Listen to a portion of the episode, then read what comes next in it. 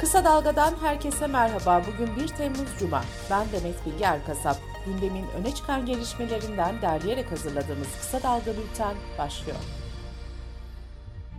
Türkiye hafta sonuna endişe verici sağlık haberleriyle giriyor. Sağlık Bakanı Fahrettin Koca, Türkiye'de bir kişide maymun çiçeği hastalığının tespit edildiğini açıkladı. Bakan Koca şunları söyledi. Hasta 37 yaşında bağışıklık sistemi yetersizliği var. Kendisi tecrit edilmiş durumda. Temaslı takibi yapıldı, başka bir vakaya rastlanmadı. Bilindiği gibi bu hastalık solunum yoluyla değil, yakın fiziksel temasla bulaşıyor. Hacettepe Üniversitesi Tıp Fakültesinden Profesör Doktor Mehmet Ceyhan ise bir vaka varsa muhtemelen etrafta başka vakalar da vardır. Bu vakanın yurt dışı kaynaklı olup olmadığının açıklanması gerekir. Ateş, baş ağrısı, sırt ağrısı gibi belirtiler görülebilir. Mutlaka bir hekime başvurulmalı, dedi. Maymun çiçeği hastalığının yaygın belirtileri arasında ateş, döküntü, şiddetli baş ağrısı, sırt ağrısı, kas ağrıları, enerji eksikliği ve şişmiş lenf düğümleri bulunuyor. Dünya Sağlık Örgütü'ne göre maymun çiçeği olan hastalarda ateşin başlamasından sonraki 1 ila 3 gün içinde deri döküntüleri görülüyor. Döküntüler daha çok yüzde yoğunlaşıyor. Uzmanlar döküntülerin patlatılmaması konusunda uyarıda bulunuyor. Maymun çiçeğinin kuluçka süresi genellikle 6 ila 13 gün olarak bilinse de Dünya Sağlık Örgütü'ne göre bu süre 5 ila 21 gün arasında değişebiliyor. Maymun çiçeği 1980'li yıllarda tamamen ortadan kalkan çiçek hastalığının bir çeşit akraba virüsü olarak biliniyor. Dünya Sağlık Örgütü'ne göre şu anda maymun çiçeği için önerilen özel bir tedavi yok. Çiçek hastalığına karşı aşılamanın hastalığı önlemede yaklaşık %85 oranında etkili olduğu tespit edildi. Koronavirüs vaka sayısındaki artış da sürüyor. Sağlık Bakanlığı haftalık koronavirüs verilerini açıkladı. 13-19 Haziran'da 10.954 olan haftalık vaka sayısı 20-26 Haziran haftasında 26.635'e yükseldi. Türkiye'de ilk koronavirüs vakasının tespit edildiği 11 Mart 2020'den bu yana görülen vaka sayısı 15 milyon 123 bin 331'e çıktı. Hayatını kaybedenlerin sayısı ise 99 bin 32 olarak açıklandı. Dünya Sağlık Örgütü de COVID-19'un alt varyantlarından BA4 ve BA5'in 110 ülkede vaka artışlarına neden olduğunu duyurdu. Açıklamada şu ifadeler kullanıldı. Salgın değişim gösteriyor ama bitmedi. Raporlama ve genomik dizilimler azaldıkça virüsü takip etme yeteneğimiz tehdit altında. Yani omikronu takip etmek ve gelecekte ortaya çıkabilecek varyantları analiz etmek giderek zorlaşıyor. 5 Haziran'da yapılan liselere giriş sistemi sınavının sonuçları açıklandı. Başvuruların tüm 8. sınıf öğrencileri için otomatik olarak alındığı sınava 1 milyon 31 bin 799 öğrenci girdi ve katılım oranı %83 olarak gerçekleşti. Sınavda 48 ilden 193 öğrenci tam puan aldı. Kız öğrenciler matematik dışındaki tüm alanlarda erkek öğrencilerden daha başarılı oldu.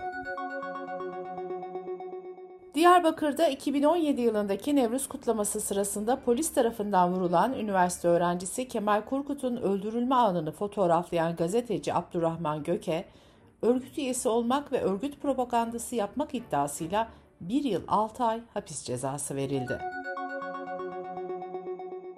Otoyollarda yeni hız sınırı uygulaması bugün başlıyor.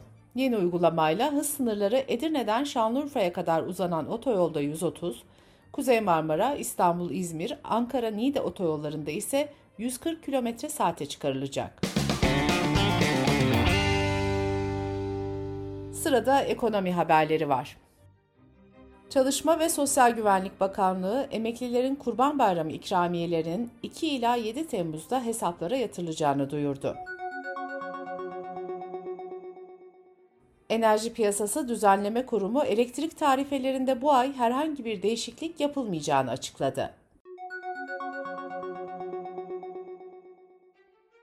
Toprak Mahsulleri Ofisi buğday ve arpa alım fiyatlarını arttırdı. Buna göre alım fiyatı buğdayda ton başına 400 lira, arpada 200 lira yükseldi. Buna göre makarnalık buğdayın alım fiyatı ton başına 6900 lira, ekmeklik buğdayın Alım fiyatı 6450 lira ve arpanın da 5700 lira oldu. Türkiye İstatistik Kurumu Mayıs ayına ilişkin dış ticaret istatistiklerini yayımladı. Türkiye dış ticarette rekor açık verdi. 5 aylık dönemde 43.2 milyar dolar dış ticaret açığı oluştu. TÜİK'in açıklamasına göre Mayıs ayında bir önceki yılın aynı dönemine göre konut satışları %107,5 arttı. Yabancılara yapılan konut satışlarındaki artış %235.7'ye ulaştı. Yabancılara Mayıs ayında 5962 konut satılırken tüm satışlardan en büyük payı İstanbul aldı. Ruslar ise gayrimenkulün yabancılar listesinde zirveye oturdu. Dünya Bankası 2020 ve 2021'deki sel, deprem ve orman yangınlarından etkilenen illerdeki altyapı çalışmalarında kullanılmak üzere Türkiye'ye 449 milyon dolar finansman sağladığını duyurdu. Hazine ve Maliye Bakanı Nurettin Nebati, konut başına 50 bin liraya kadar 60 ay vadeli ve 0.99 faizli finansman imkanı sağlayan projenin başladığını açıkladı. Bakan Nebati'nin açıklamasına göre krediler Ziraat Katılım, Ziraat Bankası, Vakıf Bank ve Halkbank tarafından kullandırılacak. Deutsche Bank analistleri Bitcoin'in yıl sonuna kadar 28 bin dolara yükselmesini beklediklerini açıkladı. Bitcoin, merkez bankalarının şahin tutumu nedeniyle bu yılın ilk 3 ayında %56 gerilemişti. Kripto para birimi dün de %1 düşüşle 20 bin doların altında işlem gördü. Dış politika ve dünyadan gelişmelerle kısa dalga bültene devam ediyoruz. Cumhurbaşkanı Erdoğan, Madrid'deki NATO zirvesinin ardından basın toplantısı düzenledi. Erdoğan, Türkiye, Finlandiya ve İsveç arasında imzalanan anlaşmaya ilişkin olarak bu mıhtıra Türkiye ve milletimiz açısından elde edilmiş diplomatik bir zaferdir dedi. Muhtırada kayıtlı maddelerin titizlikle takip edileceğini söyleyen Erdoğan, İsveç 73 teröristin Türkiye iadesine söz verdi dedi. NATO'ya üyelik yolunu açmak için Türkiye ile mutabakat imzalayan İsveç Dışişleri Bakanı Enlindi, ülkesinde eleştirilere maruz kalınca Erdoğan'a boyun eğmedik demişti.